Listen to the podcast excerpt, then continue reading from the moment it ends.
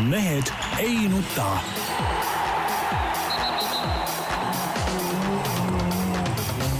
mehed ei nuta. selle eest, et mehed ei nutaks, kannab hoolt Unibet, mängijatelt mängijatele. tere teisipäeva, nagu ikka, Mehed ei nuta eetris. Tarmo Paju Delfist, tervist! kes suhtleb siin, mitte ei keskendu saatele, vaid suhtleb siin. vastupidi, ainult saatega seoses suhtlengi. no ei tea midagi. võin tõestada. nii, Peep Pahv Eesti Päevalehest, Delfist. tervist! Jaan Martinson Eesti Päevalehest, Delfist ja igalt poolt äh, mujalt äh,. enne saadet meil oli hästi tulised vaidlused äh, raadio, televisiooni ja online'i ja podcast'ide teemal no,. raadio teemal tuleb muuseas meil pärast üks kiri ka, täitsa õigustatud pretensioon on siin inimesel. nii, aga vot ma nüüd tahan sisse minna, tähendab meeletult reklaamiti välja seda ETV seda sarja Pank, mis olevat täitsa Ameerika no, tasemel. ma ütlen maakeeles. tähendab, ütleme niimoodi, oota, ma, ma ei siin ei ole, no ütle, ütle, ütle. mina, kes ma ei ole tõesti tele, telekat ega, ega ühtegi niisugust äh, pikemat seriaali vaadanud, võib-olla no ma ei tea, viis, kuus, seitse, kaheksa aastat, mõtlesin, et vaatan ka selle ära, et mis imeteoga on tegu pekki küll, no tüüpiline Eesti film, kus Täiesti. on aagus puud ja mõtlikud ja kurvad silmad ja kõik. mingi vend Nii. pikutab kuskil paadis, siis mingi, no mitte midagi ei sarnanenud seal, ütleme üheksakümnendate ajal, eks ole, mida me Jaan sinuga väga hästi mäletame, nooremad võib-olla ei mäleta. mitte midagi ei olnud sellist seal. ja, ja kusjuures niivõrd palju sümboleid, millest noh, okei okay,. no kunst, Jaan, on kunst. kunst ei ole, ma tean, film, seriaal peab olema selline nagu Õnne kolmteist, kus on reaalne elu, reaalsed jutud, eks ole, tead näe, mingid reaalsed asjad toimuvad aga mitte nii, et seal mingi täielik totrus, noh, mõtle seal lõpus see mingi peostseen seal on täiesti arusaamatu. mingi kümme minutit lasevad mingisuguse. tollal polnudki siukest muusikat. polnud siukest, siukest, siukest asja tehtud. see oli kunst, Peep. no see on nagu mõte, et Tarmo, saad ju aru, see oli täielik pass. ei no ma praegu lihtsalt äh, torkan siia vahele, et teid, et teid äh,, et sind natuke rohkem närvi ajada, sest olgem ausad, ega ma ise olin ka väga pettunud selles ja just sellesama mingi tohutu kunsti pärast, mida sinna oli topitud ma ei ole küll Õnne kolmeteistkümne austaja jälgi seda, aga küll olen ma näiteks Skandinaavia krimisarjade austaja. ja, ja Briti ja Sild näiteks no, või, või Kuritegu või, või Briti krimisarjade austaja ja mida ETV siis pühapäeva õhtuti näitab juba aastaid ja väga väärt sarju kogu aeg ja hetkelgi Silla hooaeg, viimane hooaeg ja nii-öelda otsustavad osad on käsil. ja, ja siis vaatad seda ja just, just nüüd viimasel pühapäeval oli, oli see olukord, kus, kus mul tekkis sama pangaga nüüd võrdlus. vaatasin seda, mingil hetkel ma tajusin, et pagan, pulss läks nagu endal, endal ka juba üles, kogu aeg toimus, iga stseen, iga kaader, mis seal oli, rääkis mingit lugu, arendas mingit süžeed, mingit asja, mitte nii, et viis minti õõtsuvad keegi seal ja, ja, ja mingi siis ja või see, või see, kes see seal luges siis neid vanu mingeid pealkirju, see oli mingi vana näss, eks ole, seal jälle ja, mingi kunsti ja. lihtsalt oli lahendatud see, et näidata, mis siis toimus selle panga nagu ümber kuidagimoodi, no mille jaoks, no miks ei võiks olla lihtsalt selline nagu ütleme siis tegevusest tiine põnevusest äh, tiine selline nagu äh, minek, eks ole, noh. absoluutselt. oh, aga ei, Aa, see, miks ei võiks teha midagi vaata, nagu see vana nass, kes seal oli, see sümboliseeris mingeid vanu pealkirju või? ma, mul, mul jäi küll niisugune mulje, jah. mul jäi, ma ei üldse aru, mis see, mis see tähendas ja mis see paadisõit tähendas, vot sa võib-olla see paadis pikutab. ei no ma ei ole, ma ei ole, vot ei, ei ole kunstiinimene, vot noh, sellepärast ongi, näed, me ei saa aru, me keegi ei ole, tuleb välja, noh ma mõtlesin, Jaan kui raamatuid lugev inimene, tohutult palju raamatuid lugev inimene, võiks ju, võiks ju meile nagu lahti seletada ja meie kuulajatele ka, keda on palju kindlasti. ei jaga midagi. raamatus aga on ju väga sina... selged, seal, seal ei ole raamatus niimoodi, et umbes viisteist lehekülge järjest ainult, et sõidab paadiga, sõidab paadiga, levab, sõidab paadiga. ei no mingid paadiga. mõtted, mingid asjad ikka nagu käivad seal tihti pea, tegelase peas. see on lahti seletatud, sellepärast ma raamatuid loengi. nii, kuule, aga kiirelt viskan nüüd teise. no lapsena ma mäletan ikka kõige hullemad asjad raamatus olid need looduskirjeldused oh,. see oli jah, ma lasin kohe edasi kapten Granti lapsed, mis oli mu lemmikraamat muidugi, söögi alla, söögi peale, aga siis vahepeal kümme lehekülge nagu ajalugu värki seal sees, no ega see au ei tee muidugi, aga noh, nii see oli.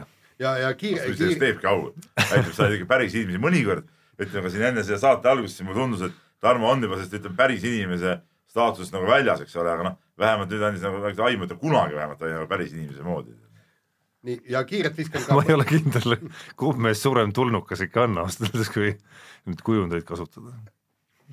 kuule, viskan kiirelt ühe poliitteema ka, et, et nagu ma sain aru, üks ajaleht siin küsib äh, erakonna esimeestelt äh, noh, nagu nii-öelda valimiste eelse pika lehekülje ant-, ant-, antakse neile kätte ja, ja et, et saavad kirjutada oma mõtteid ja värke ja seltsimees Oss- Ossinovski sai siis äh, selle lehekülje ja ma ei tea, kümme tuhat tähemärki ainult kottis valimiste eel EKRE-t.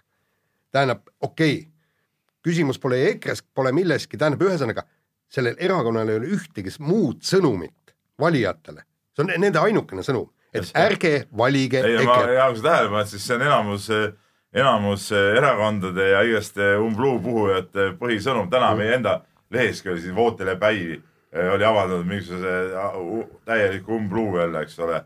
ikka EKRE-l jälle sisse põimitud, noh. Jõle valusalt ikka astuvad kanna peale ja noh, seda on, seda on muidugi hea vaadata, kuidas teised parteid ja, ja kõik need nii-öelda peavoolu ja ja, ja progressiivsed euronoored ikka visklevad selles EKRE valus, et seda on nagu ma tõõrun käsi selle peale. Peep, ja küsi-, küsimus ei ole ka EKRE-s. täpselt samasugune jutt on ju teistele, kui nad näpuga näitavad, et näed, et, et kuidas nüüd Keskerakond valitseb, ei tee seda, ei tee toda, ei tee kolmandat.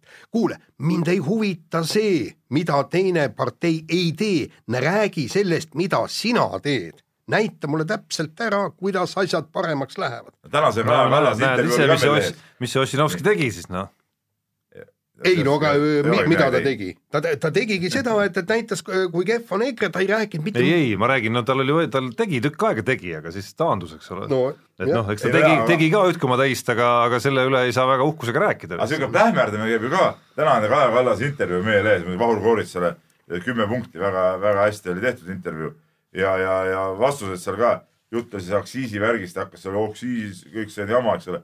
kas mitte Reform ise ei olnud valitsuses, kui see aktsiisipull pihta hakkas, eks ole, tead näe. aga sellest Kaja Kallas seal kuskil eurokoridorides lehvides nagu ei teaks nagu midagi, tead näe. täielik umbluu ja, ja, ja, ja siuke vassimine ja pettus on kogu aeg. kole vaadata seda kõike. nii, aga lähme nüüd spordi juurde ja ega siin spordis ka midagi ei ole ega suurt ei ole, aga, aga üks no. asi võib, ei no või, mõtlesime, et saame täna poole tunniga hakkama, aga esimesed kümme läksid, läksid ja haihtusid kuhugi. noh, haituvad järgmised kümmegi, et üks, üks uudis, mis ei olnudki nagu päris uudis, see on nagu pooluudis, võib nagu tulevikus väga suurt rolli mängida, ehk siis äh, väidetavalt Jüri Vips, meie vormelisõitja, sõitis Euroopa F3-e, oli, oli suures mängus sees, sai neljanda koha lõpuks väidetavalt on sõlminud siis äh, Red Bulli noortesüsteemiga lepingu ja hakkab sõitma järgmine aasta seda FIA F3 sarja, kus ühendatakse praegune GP3 ja siis Euroopa F3 sari ja, ja sealt edasi, noh, tant seda teab, mis, mis sealt edasi juhtuma hakkab, aga märgiline tähendus on see, et, et Red Bulli noortesüsteem, mis on jube tulemuslik olnud, kolmteist meest on jõudnud äh, F1 sarja.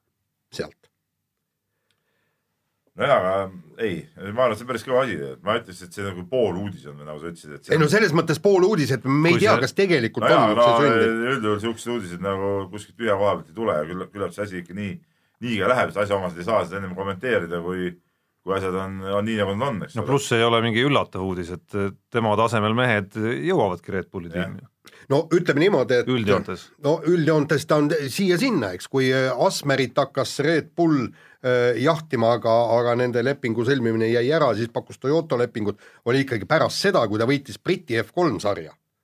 eks ju, ja ta, ta oli ikkagi, ikkagi natukene vanem kui kaheksateistaastane Vips on ju.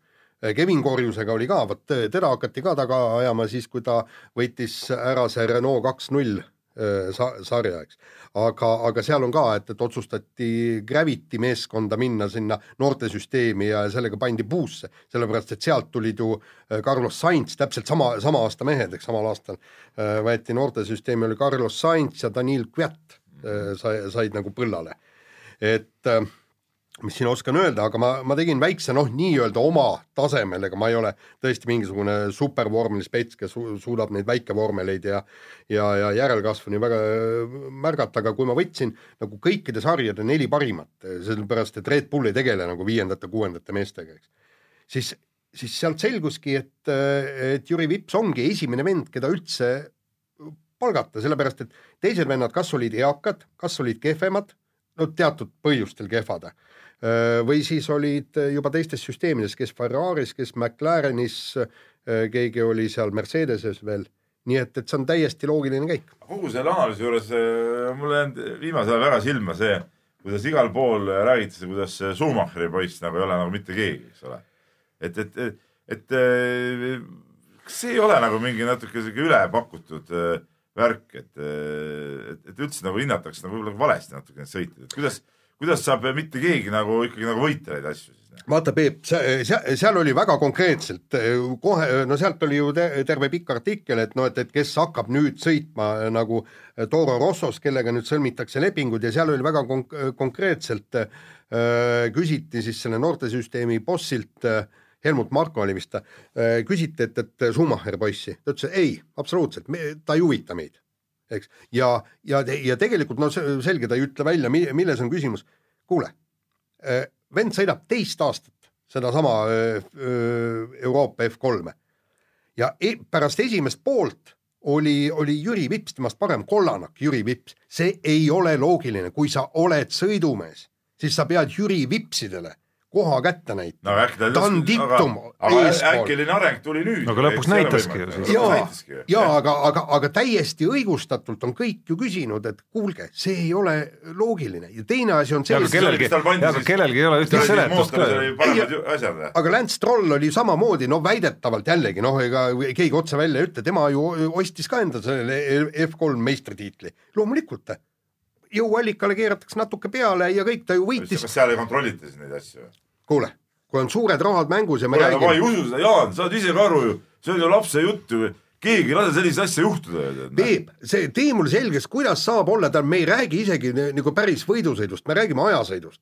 kui, kui vend on äh, ajasõitudes kuskil kogu aeg keskel ja ühel hetkel ühe perioodi peale ta paneb kõik ajasõidud kinni praktiliselt ja, ja, ja kusjuures mitte ainult tema, vaid ka see äh, Robert või mis ta eesnimi on, Schwarzmann, kes äh, samuti kaks meest hakkavad järsku paugutama, noh, no aga Jaan, aga näe, Ott Tänak ka kogu aeg eh, katkestas, sõitis kraavi, järsku hakkas kogu aeg võitma, no mis.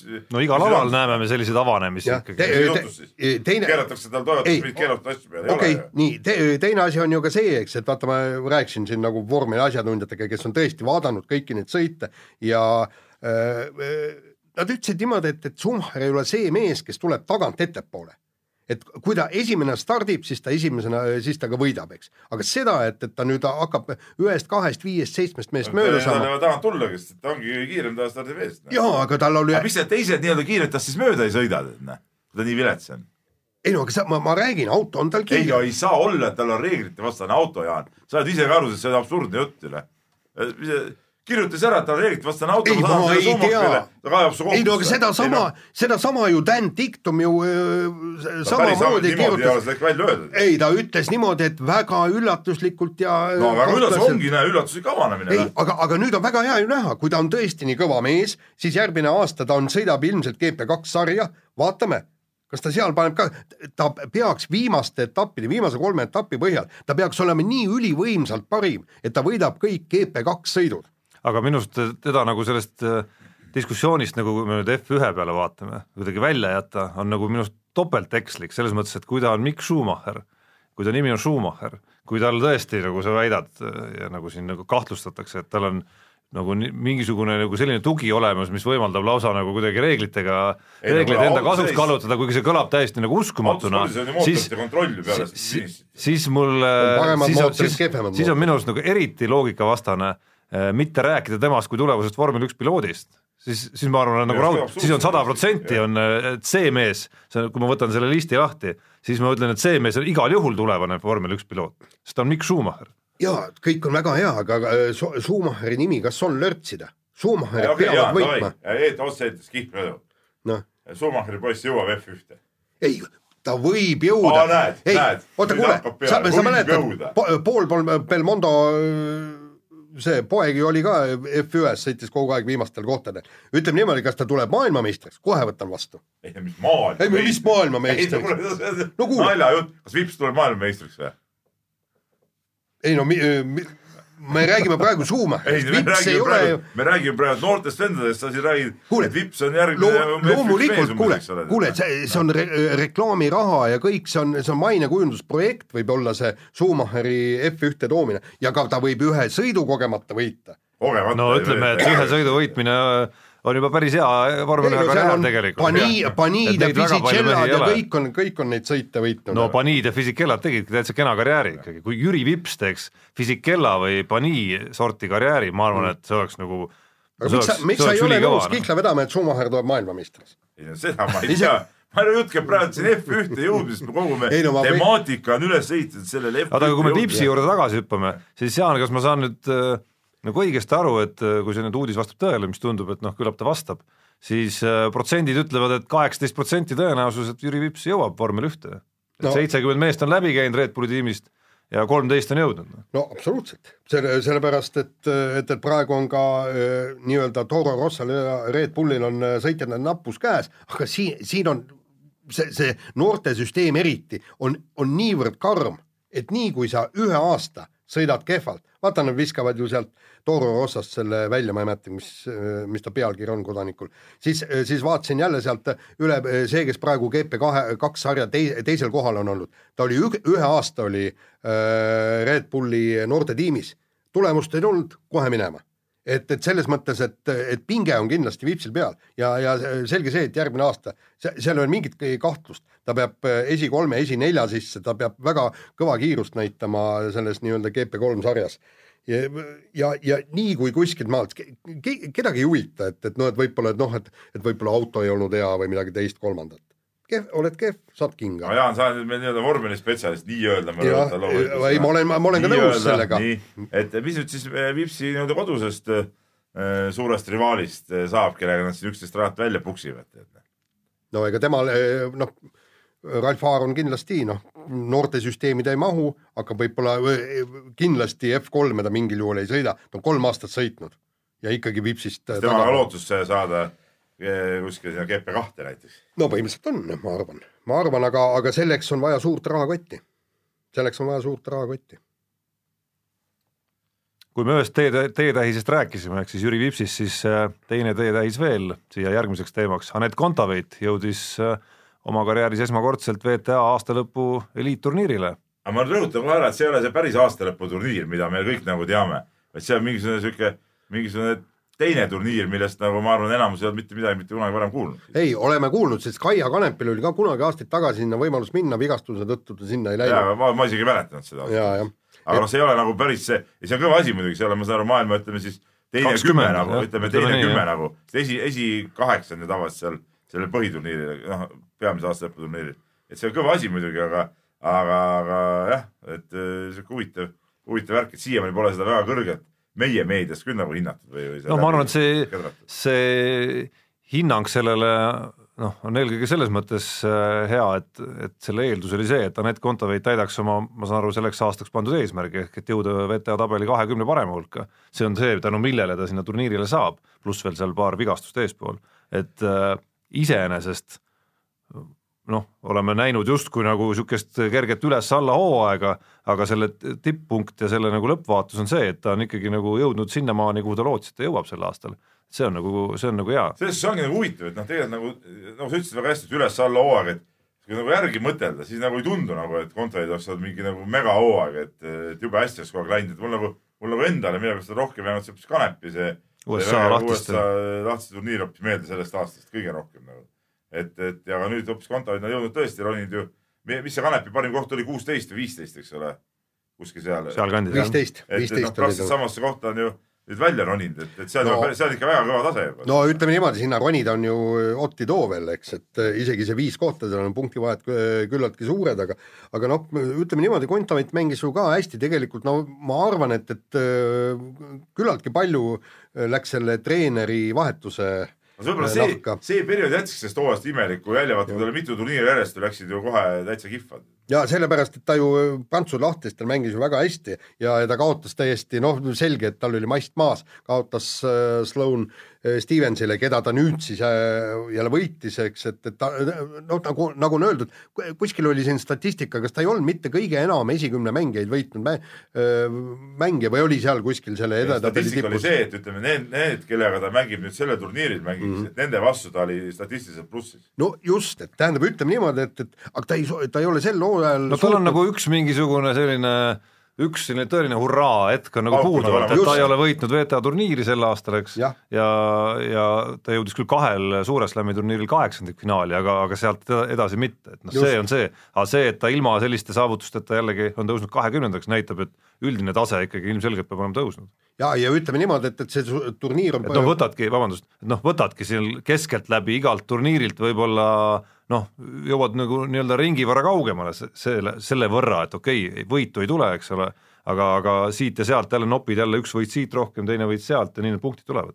ja, ja kusjuures see turniir on sellepärast hea, esiteks seal jagatakse küllaltki korralikku raha ja teine asi, küllaltki korralikke punkte ja punkte on äh, Kontaveidil hädasti-hädasti vaja, kui ta tahab siit edasi marssida ja, ja üha kõrgemale, sest seal tipus on ikkagi no vahed on üsnagi suured.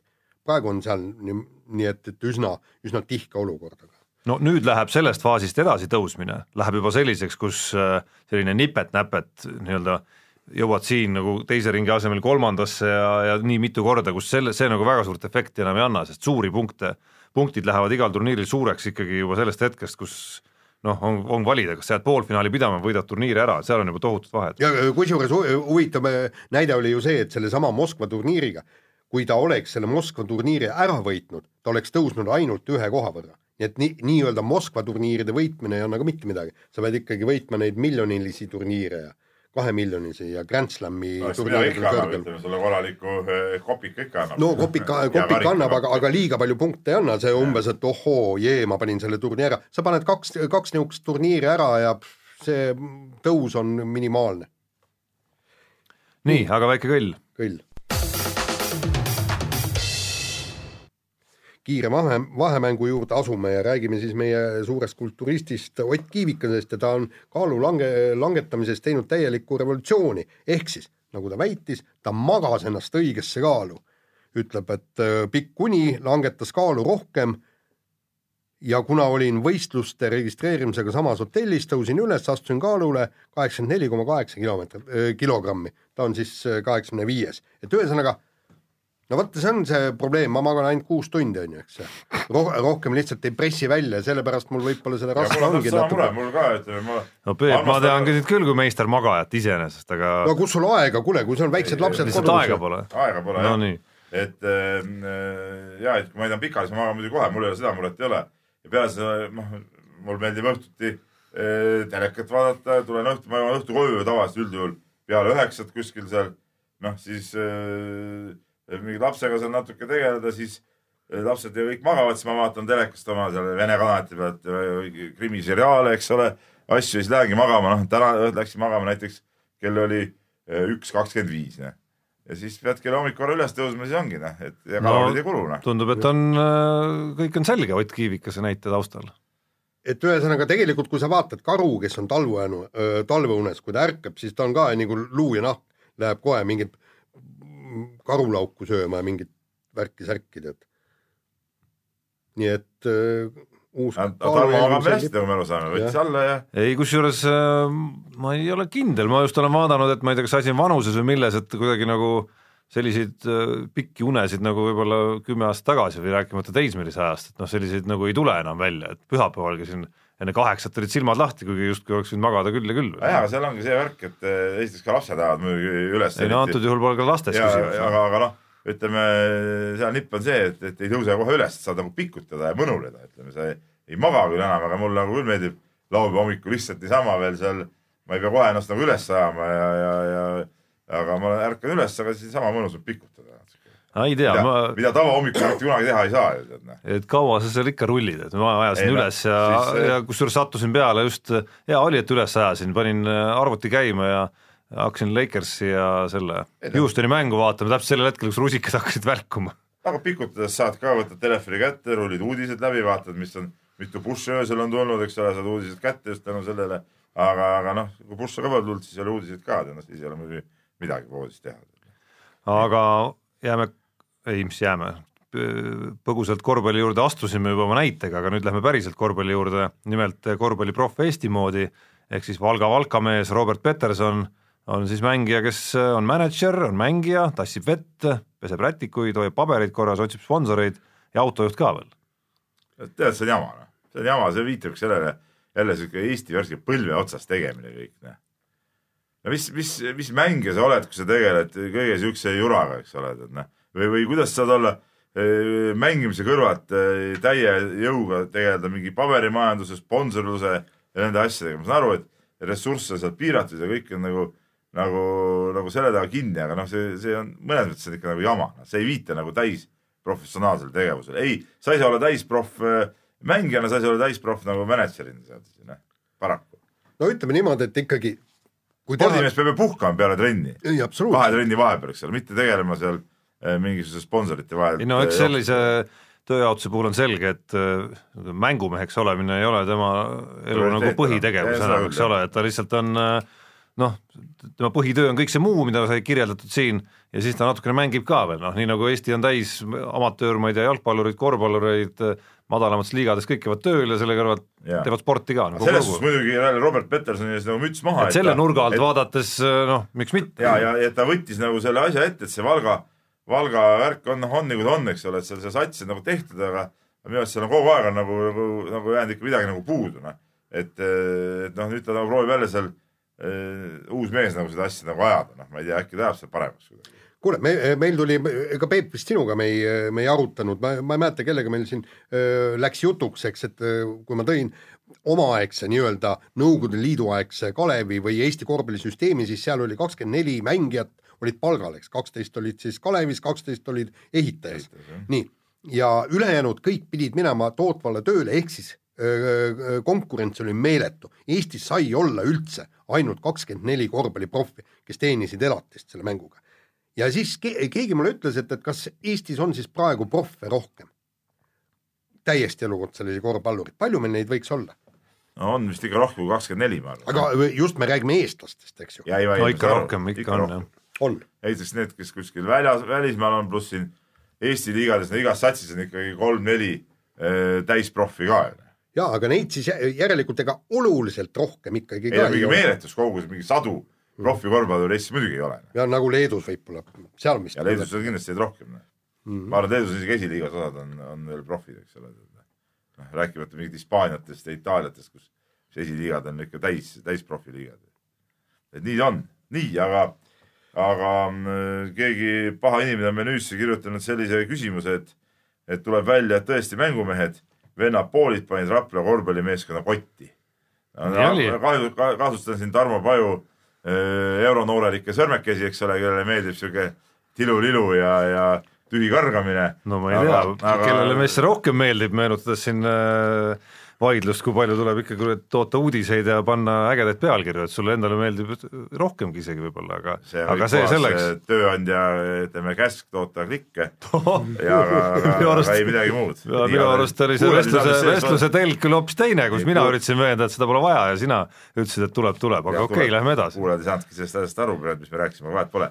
vennad poolede show Raplas oli muidugi noh, ei no okei okay,, ma saan aru, see on show mäng, see on nagu tähtede mäng, noh, ta ei ole nagu päris korvpallist asi kaugel.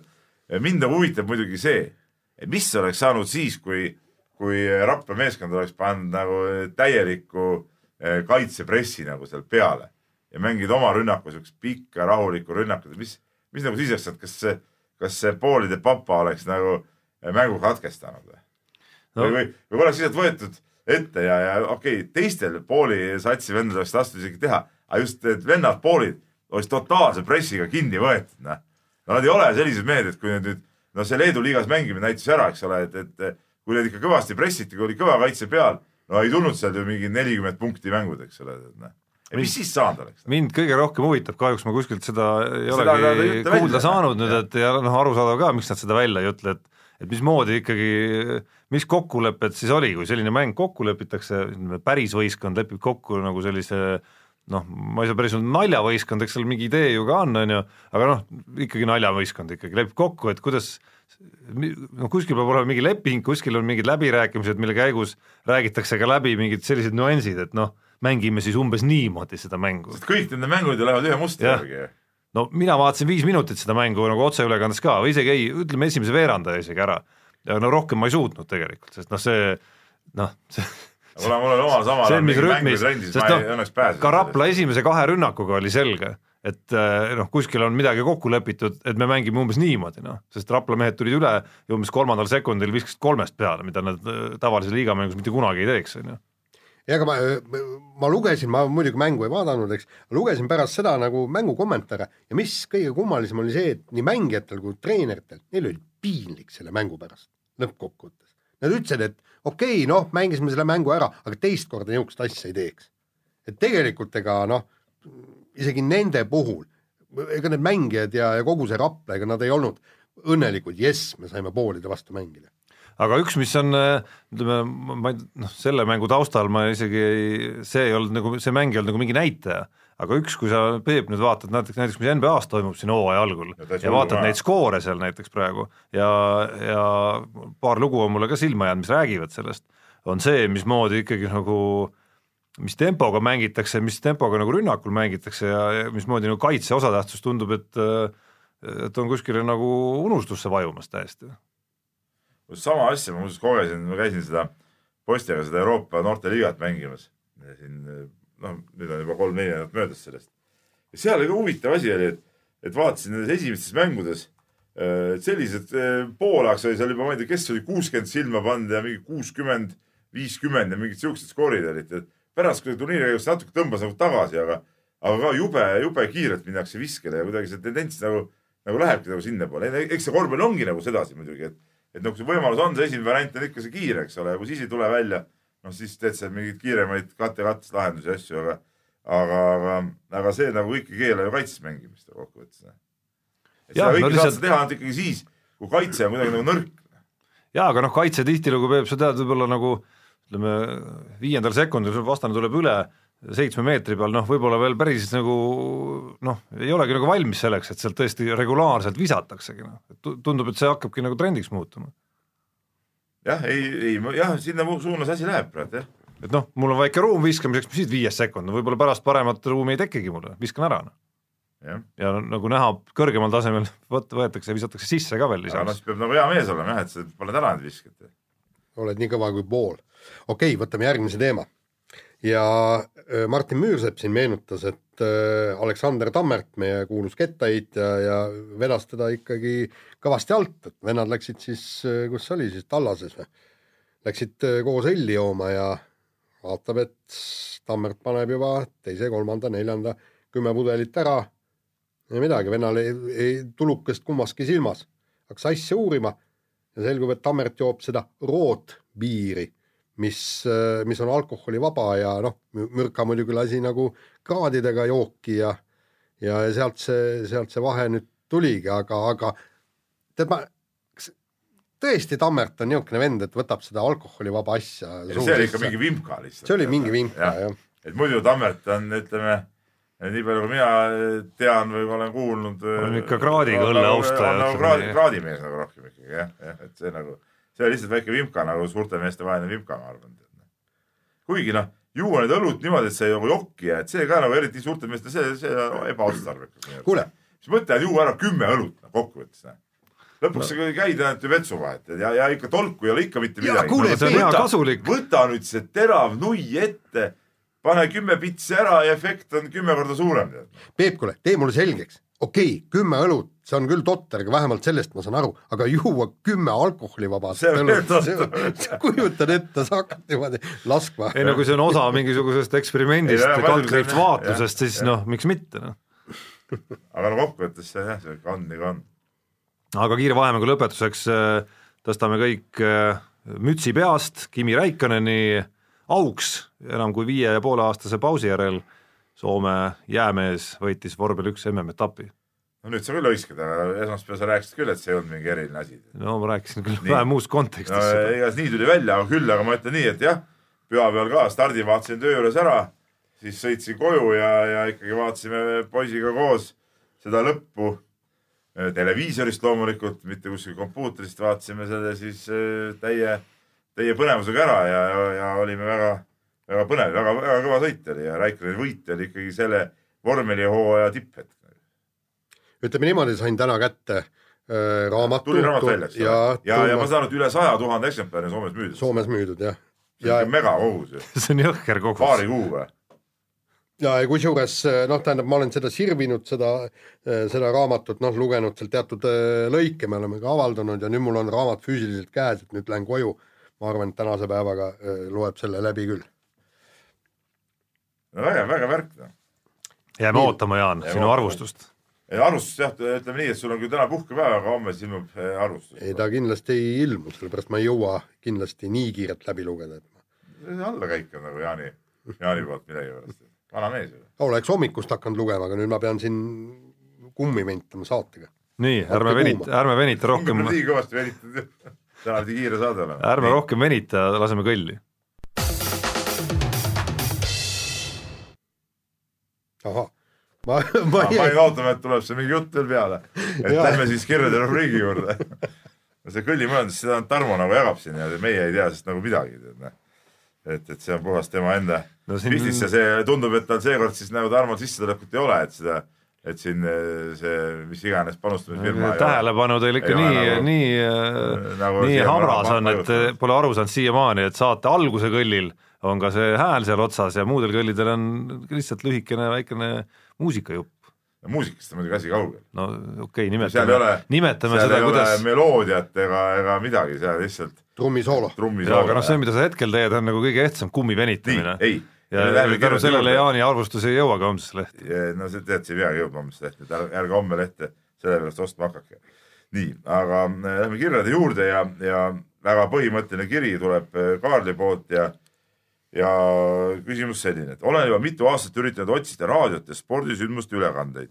kuna viibin tihti välismaal ja tööl või autoroolis olles, ei saa telekas sporti jälgida ega ole ka, ega ka online blogi ülekandeid. see on nagu sulgudes pandud, siis kõige parem viis sporti jälgida oleks raadio kaudu. pean siinkohal silmas pigem suurvõistlusi või mõnda eestlaste jaoks tähtsat võistlust. vanasti kandis Vikerraadio ilusasti tähtsamaid sündmused ikka raadio teel üle, legendid Tiisler ja Villomann. Soomes kantakse ka tähtsamad sündmused raadios üle ja nii on isegi igal nädalal õhtuti spordiraadio, kus kantakse otse üle kohalikke jäähokiliiga mänge ja muid siukseid asju. et eh, nüüd on küsimus, et mis õigusega on Rahvusringhääling ära kaotanud kõiksugused spordisündmuste otseülekanded, mida teevad inimesed, kellel pole telekat või ei näe või siis ei saa muudel põhjustel silmadega jälgivat meediat tarbida, küsib siis Kaarel. no väga õigustatud, jaa, absoluutselt. Sest et kui sa oled kuskil välismaal, noh, siin ka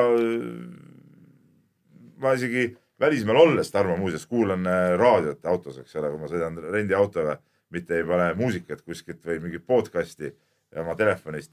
Ja, ja tihtipeale ka seal proovin neid jaamasid ja asju ja õhtuti tulevadki, oled sa kuskil Portugalis või, või Itaalias või ükspuha kus, tulevadki spordiülekanded, sa saad aru, no sa ei saa aru, mis nad räägivad, eks ole, sa saad aru, et see ongi nagu spordireporter. Kui siin käivad mõnikord need jalgpallikoondised, eks ole, siis on need raadio Äh, reportaažis on ju, on ju kõik olemas seal ja, ja raadioreporterid, aga meil on see tõesti kuidagi ära kadunud see on täiesti kadunud jah, ma Vikerraadio, ütleme autos üldjoontes Vikerraadio kuulajana kui raadioprogrammidest rääkijana olen ka selle üle kusjuures ise mõistatanud, et siin jalgpalli MM-i ajal äh, minu mäletamist mööda kas poolfinaalides ja finaalides siis toodi noh, noh suhteliselt erandkorras ikkagi toodi siis nagu raadio otseülekanne ka nendest inimesteni. Aga, aga üldjoontes on see ikka nagu täiesti pildilt äh, mingil huvitaval kombel kadunud jah. Et ma olen, ma olen mitmel korral äh, noh, teinud siis sellise triki, et ma panen telefonis noh, nii-öelda pildiga ülekande mängima ja noh, telefoni viskan, eks ole, kõrvalistmele ja pilti ma ei saa vaadata, aga noh, siis kuulen lihtsalt äh, kõlarite kaudu seda nagu kommentaatori häält lihtsalt, Ivar Jurtšenkut näiteks korvpalli kommenteerib Ju,. just täpselt ja ma olen ka sedasama teinud, ma olen teinud nii Eesti jalgpallikoondise mängude ajal kui ka Kontaveidi mäng, äh, mängude ajal, eks, et olen kuskilt tulnud, aga aga ma ikka mäletan ja tõesti olid need tegelikult, need raadioreportaažid olid omaette ju nii-öelda kunstiliik või nii-öelda või ajakirjandusliik, ma mäletan, et kui need Tiisleri korvpallireportaažid, nad olid ju niivõrd pingelt, et, et, et kui telekas jooksis seesama korvpall, siis ma proovisin panna noh, nagu et, et ma näeksin telekast äh, pilti ja kuulaksin, kuulaksin Tiisleri. ja ei, ei jah, ei sünkroniseeri jah pilt jõuab vähe hiljem kohale lihtsalt. mäletate need Kötsise ülekanded, need olid ikka legendaarsed. legendaarselt kerge just, mina mäletan, Jaan, sina muidugi ka, vanemast ajast ka kõik need Erik Lillo, kas või seal kergejõustiku rahvaste Spartakiaadilt ja tulid ülekanded, korvpall ja Harri Matskinid ja Gunnar Hololeid, eks ole, panid kõik korvpall tuligi ju kõik välismängudega välismänge telekas ei näidatud ju Mhm. eriti, eks ole, kõik tulid ju raadio teel need aga ülekanded noh kätte., aga noh, eks see kahtlus on, ega ma ei ole raadio või telekolleegidega isegi rääkinud seda või küsinud kas või Tarmo käest, et, et mis seal taga on, noh küllap seal vähenev nõudlus ikkagi on ju siis ma ei tea, teiesuguseid mingil hetkel ka minusuguseid on lihtsalt liiga väheks jäänud. Väga halb, väga või halb. siis, või siis, või siis ei ole tegijatel enam seda, ma ei oskagi öelda. See on huvitav küsimus, kas see, kas see pigem. tuleb nagu sellest, et ei olegi tegijad, kes tahaks seda teha või raadio ise on seadnud niisuguse suuna kuule, ma, ma, olen tegelikult näinud, vaata punkt üks, kui ma sõidan äh, pühapäeva õhtuti, sõidan, sõidan koju öö, sinna maakodusse, siis ma vaatan, milline meeletu autode vool tuleb öö, vastu, kõik need on kuskil linnas olnud ju, või linnast väljas olnud, sõidab Pärnu vahet, kui nad, kui nad tõesti pühapäeval, laupäeval, kui, kui sõidetakse tõesti. Ja kui on mingisugune näiteks noh, pühapäeva õhtu, absoluutselt kergejõustiku mm või mingisugused niisugused asjad, inimene kindlasti on neid inimesi küll ja küll, kes tahaksid kuulata, mis seal toimub, sest ta peab lihtsalt paratamatult linna sõitma kõik, eks. et seda tuleks mõelda. Aga noh, ma, ma ise kahtlustan siiski, et see nõudlus lihtsalt on vähenenud selle järgi ja noh, ongi, autosõitjad on ja kui sa vähegi, kui just autoga ei sõida, siis sa saad alati vaadata. no ütleme siis Noh, nii, ütleme siis nii ikkagi, et kuskilt seadmest, olgu siis telekast, telefonist, kuskilt sa saad selle pildi endale kätte. ütleme siis nii, et noorus on hukas, jah, absoluutselt, raadiot ei kuulata. nõus. nii, aga Peeter Piho kirjutab mulle ja, ja, ja mitte mulle, vaid meile tähendab. ja jutt käib siis meie eelmise saate eh, teemast, kus te mõlemad ajasite muidugi täielik umbluud ja jutt käib pagulaste koondisest ja Peeter juhib siin ka tähelepanu sellele. kahjuks pean esimest korda kritiseerima kõiki kolme teema mittevaldamise eest, kuigi Peep sai asja olemusele instinktiivselt kõige lähemale. no tead, mina sain täitsa lähedale muidugi, sa Peeter, sa ka tekstid natuke. nii, aga jätkame lugemist niinimetatud pagulaste koondis on ebakompetentsete publiku jaoks kokku, ebakompetentse publiku jaoks kokku pandud liberaalsete poliitilise, liberaalse poliitilise propaganda tööriist, kus mitte ükski sportlane ei tule tulemuse poolest öö, olümpiale, noh, pole väärt nagu see osalemist, eks ole. et näiteks Riia olümpial kaks tuhat kuusteist said pagulased ainult ühe sportlikus mõttes arvestatava tulemuse, kui Brasiilias elav Kongo judokas võitis esimeses ringis India sportlast nimetatud sport, sportlane osales Kongo esindajana kaks tuhat kolmteist Brasiilial peetud MM-il ja lihtsalt deserteerus protestiks treeneri väidetavalt liiga karmi käitumise vastu.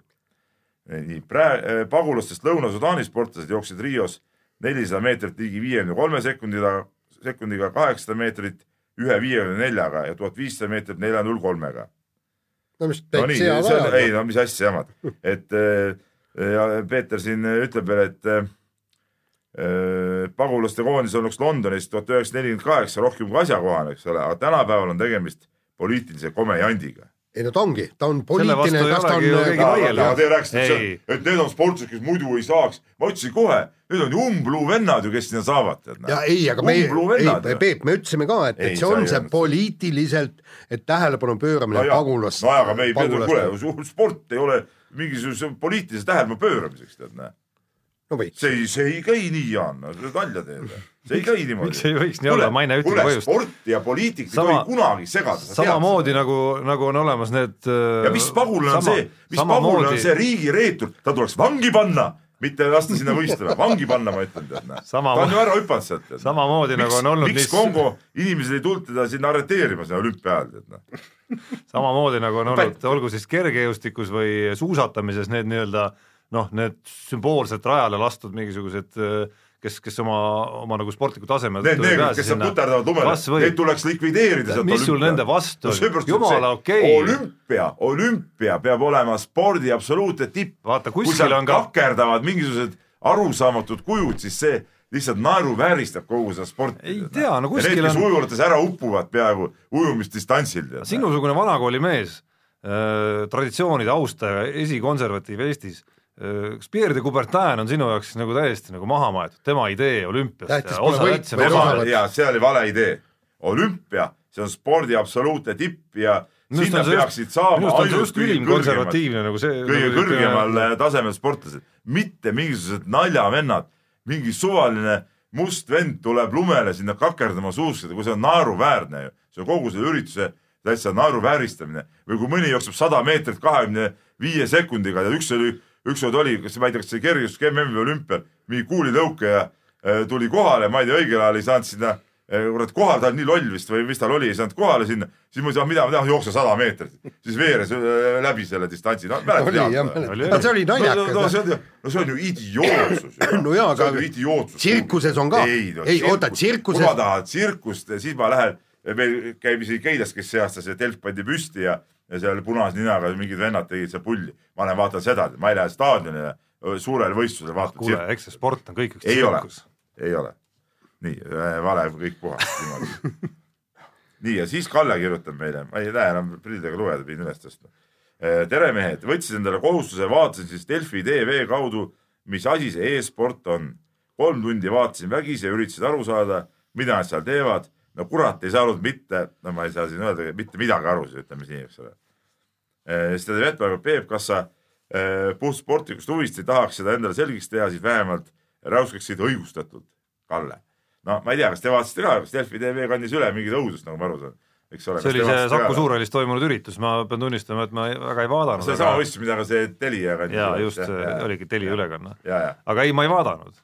aga ma olen vaadanud aeg-ajalt äh, noh, mingeid hetki, ma isegi saan aru, mis seal toimub tegelikult, aga, aga see ei tähenda, et ma peaks vaatama seda. tähendab, mina, mul puudub mul puudub, mul puudub nagu isiklik huvi seda vaadata ja kulutada oma aega selle saate ametlik vaatamisele. seisukoht ja see ei kuulu nagu vaidlustamisele on see, et tegemist ei ole spordiga ja spordiga ei ole e-spordis, noh, see sõna e-sport, see teine pool sellest sõnast tuleks üldse ära kaotada, et seal ei ole mitte midagi pistmist sõnaga sport. ja aga muide, mul praegu oli väga huvitav mõte pähe.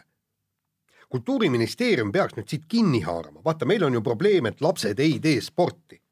kui nad nüüd võtaks keskmise Eesti lapse, kui palju ta e-mänge mängib diivani peal vedeledes, no seda on tundide kaupa, eks. ja siis võiks ju kuulutada, Eestis lapsed spordivad maailmas kõige rohkem. sina oled siuke paka On ju? suppa vend. No just. nagu, nagu jälle näitame nagu, ütleme, kui sina oleks nõukogude armee praegu ohvitser, siis hea päev peaks mingid vennad asfalti mustaks värvima ja muru roheliseks teed kõrvad. No et oleks nagu kõik nagu, no oli nagu olnuks, aga tegelikkusele see ju ei vasta. ei Peep, ma lihtsalt tahan seda öelda, noh. et, et kultuuriministeerium ju üritas ju öelda, et pool tundi liikumist päevas on täiesti okei okay.. Ei ole see okei okay., et nüüd nad võivad ka selle e-spordi sisse tuua. et tal näpud ju liiguvad ju. jah, ei, see on sport, ta Ma räägin, teeb sporti. et näpud ju liiguvad ju ka, eks ole, see ongi liikumine, kus on öeldud, et liikumine peab olema jalgade peal, kas see on kuskil defineeritud niimoodi ei? no ega liigub ju ka äh, see ma räägin, no randmes. Ranne ja kõik siin, peaga nõksutad korraks niimoodi. kuigi ma olen aru saanud vahel, mul silmad ka liiguvad. kuigi ma olen aru saanud vahel need vist randmed jäävad haigeks ka sellest ja mul silmad ka liiguvad vahepeal. Nii et mul on kogu aeg on täis. see, see, sellepärast ei saagi seda e-sporti spordiks nimetada, ei sest saa. selle järgi selgub, et Eesti lapsed spordivad meeletult. ei spordi nad, ei spordi. nii, aga siis on malet ka nimetada.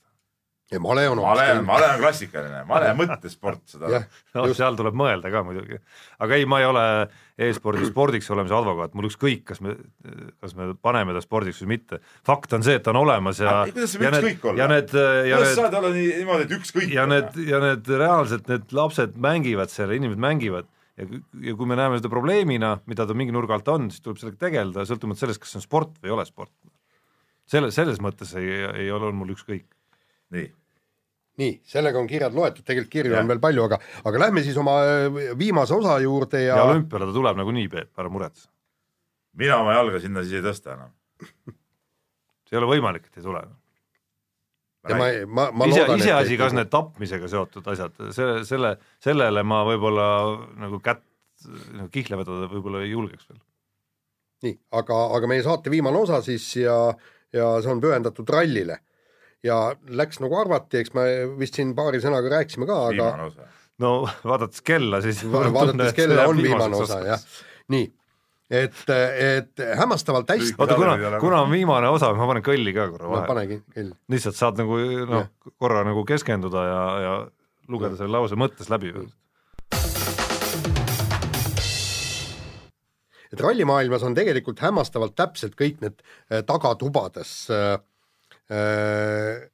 kostuv on, on tõesti väga täpne, sellepärast et ju öeldi täpselt, et kolmapäeval antakse teada, et Chris Meek läheb sinna ja Esa-Pekka Lappi tänna, ehk siis äh, Chris Meek Toyotasse ja Esa-Pekka Lappi Citrooni, täpselt kolmapäeval mõlemalt pressiteated, üks varem, teine hiljem tulid, eks, et selle, selles mõttes, et, et kõik need spekulatsioonid ei ole tegelikult spekulatsioonid, seal teatakse, millest räägitakse, aga nüüd ongi siis asi niimoodi, et Esa-Pekka Lappi on Citroenis ja Chris Meek on Toyotas ja nagu sealt oli ikkagi igalt poolt üle maailma tuli neid kommentaare, et see ülivõimas kolmik on Toyotas, sellepärast et kõik vennad on nii-öelda esimese esimesed sõitjad, ehk siis keegi neist ei ole niisugune vend, et kes põristaks seal, kindlustaks niisugune teist, kolmandat, neljandat kohta, vaid kõik tahavad minna ja, ja võtta see esikoht ära.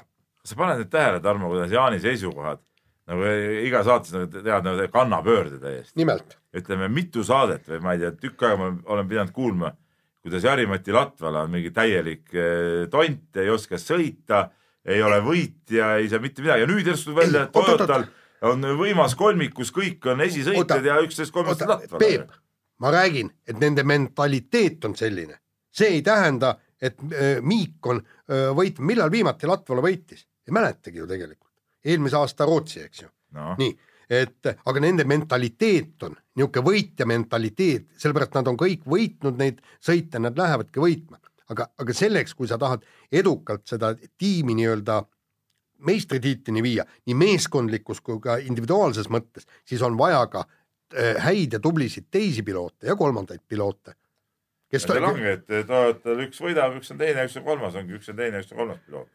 Noh, kindlasti selle minu arust nende vangraste juures see Esa-Pekka Lappi lahkumine Toyotast on minu arust asi, mis vääriks kuidagi nagu lahkamist ikkagi, et et justkui tundub nagu selline loogiline match ikkagi, eks ole, Tommy Mäkinen eesotsas, kaks Soome pilooti seal, Lappi, kes on üks äh, palju töötavamaid äh, tulevikustaare no., kes ma usun juba järgmisel aastal noh, ma arvan, sellise nagu sa ütlesid, kohakindlustaja staatusega võib-olla ei olekski nagu leppinud, on ju, kuigi ega ta Citroenis on ta ka ikkagi teine piloot, eks. Et, äh, et mis ikkagi sundis, siin on räägitud, et ta ei saanud kõige paremini läbi Mäkineniga, aga no jumal teab, on see, on see nagu pädev jutt või ei ole, see jutt, et kuidagi seal äh, tema roll Toyotas oleks jäänud kuidagi teisejärguliseks võrreldes Citroeniga, minu arust see ka pä ei päde tegelikult. nojaa, kas Lappi oleks võitjamees? kas ta oleks võitjamees, mida ta siis kokkuvõttes peale selle eelmise aasta Soome üllatusvõidu võitnud on, Jaan? ta on, ei, ega ta ei olegi midagi, aga ta on ikkagi näiteks MM-sarjas ta on kõrgemal kohal kui Latval. ühe punktiga. no jah, aga ta on Üle täiesti ja, aga ta on äh, sümpaatselt sõitnud ja, ja, ja jällegi.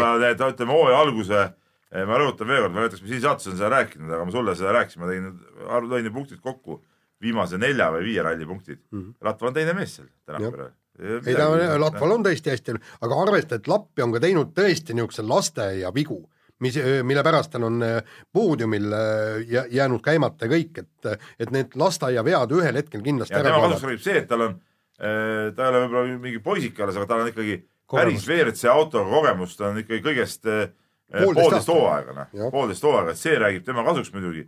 teisalt me ju keegi ei tea, kas ta, noh, kui palju see areng nagu edasi veel läheb seal, no võib-olla tema tase ongi selline, et ta ongi seal esikolmiku piiri peal mees nagu, eks ole, nagu neid siin on palju praegu rallimaailmas, noh.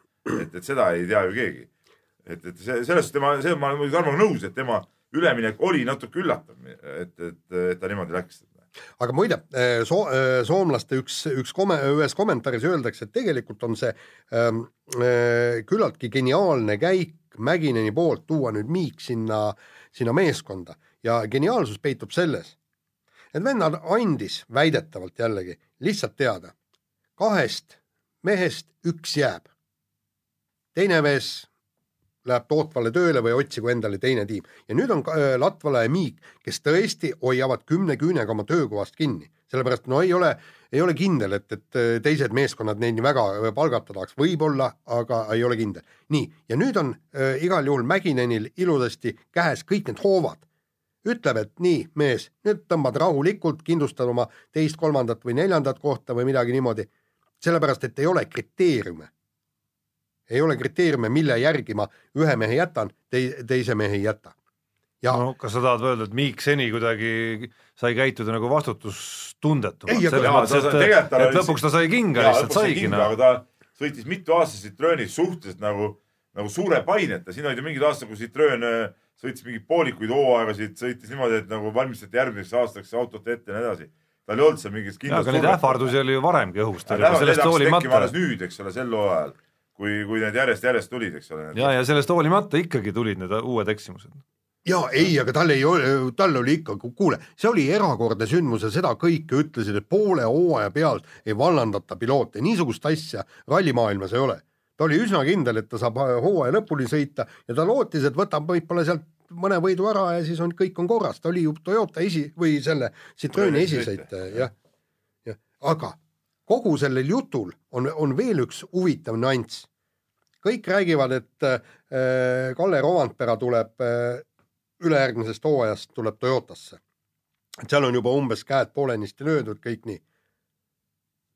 aga Tänakust ju ei räägi keegi, Tänakul ju lõpeb, lõpeb leping ära. et, et jääb niisugune mulje, et ka ülejärgmine aasta juba on kindel, et sõidab Tänak, üks kahest vennast, kas Miik või Latvala ja tuleb Kalle Rovanpera et, et see on nagu juba kirikus maha kuulutatud. see on jälle puhas, vot see on nagu nüüd puhas spekulatsioon just. ei, loo, kui sa loed neid kommentaare. ma saan aru, ei, ma olen ka jälginud neid asju kõiki täpselt nii nagu sinagi. aga, aga ma ei, no seda ei tea.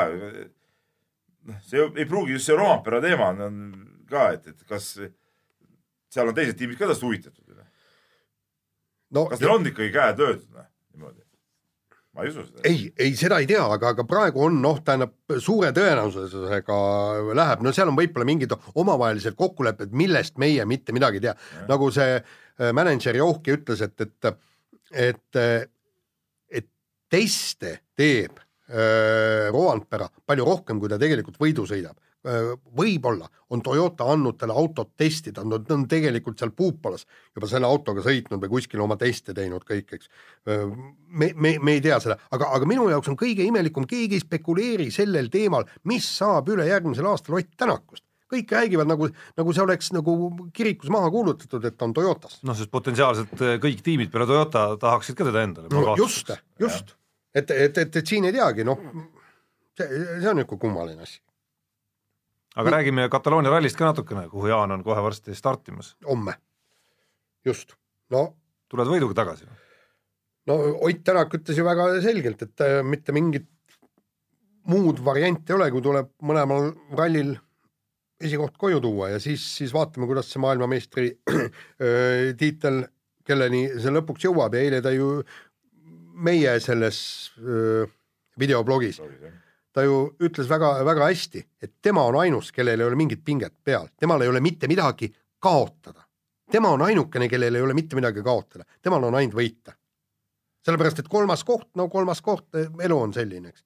aga, aga teistel vendadel on ka kaotada esikoht, nii Ogiel kui Neuvillil. ja kuidas, no see, tegelikult vot see on nüüd jälle siuke huvitav, et sa lugesid sedapidi seda välja muidugi mm. -hmm. mina jälle mõtlen seda, ta ise muuseas rõhutas ka seda et vaata, et kui Neuvill räägib, et tal ei ole mingeid pingeid, et küllap te, neid pingeid on kogu aeg peal ja kui ta ise nüüd hakkab samasugust juttu rõhutama, et tal ei ole nagu midagi kaotada, küll tal ikka on kaotada, jaa, neil on täpselt ühepalju kõigil kaotada.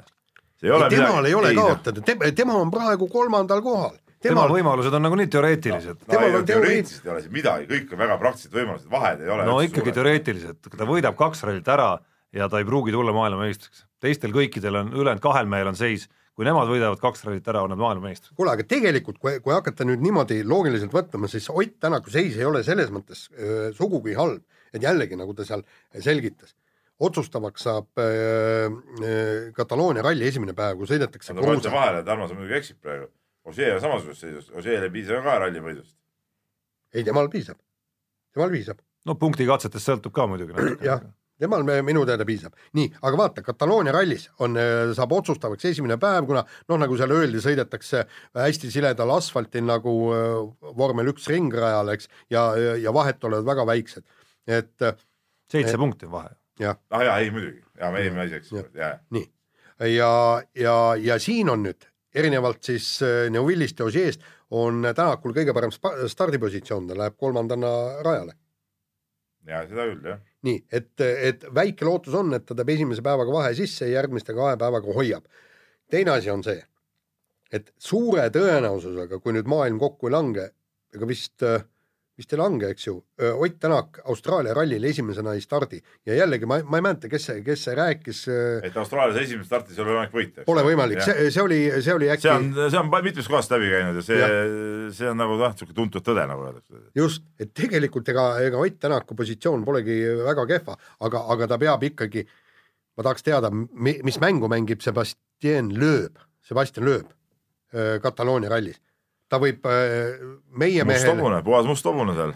ütleme niimoodi, et ta võib olla meie mehe vaenlane, kui ta võidab ja Ott Tänak on teine, eks siis punkte, aga ta võib olla meie mehe sõber, kui Ott Tänak on esimene ja tema on teine. ja, ja on, on eespool Ožeed ja Neuvilli, et, et selles mõttes saab hästi põnev olema ja, ja hoiame kõvasti Ott Tänakule pöialt ja, ja et ta kenasti rajal püsiks ja autoga mitte midagi ei juhtuks. no nii on no nii, tund tuli täpselt täis, kuigi ühe teema lõikasime lõpust mahagi veel. aga õnneks ei ole see teema teab mis oluline, nii et võib-olla kunagi teinekord võtame ette, see on ajatu teema. nii, aga sellega on jutuajamised aetud ja kohtume järgmine teisipäev, kui ma olen Barcelonast kenasti tagasi. mehed ei nuta.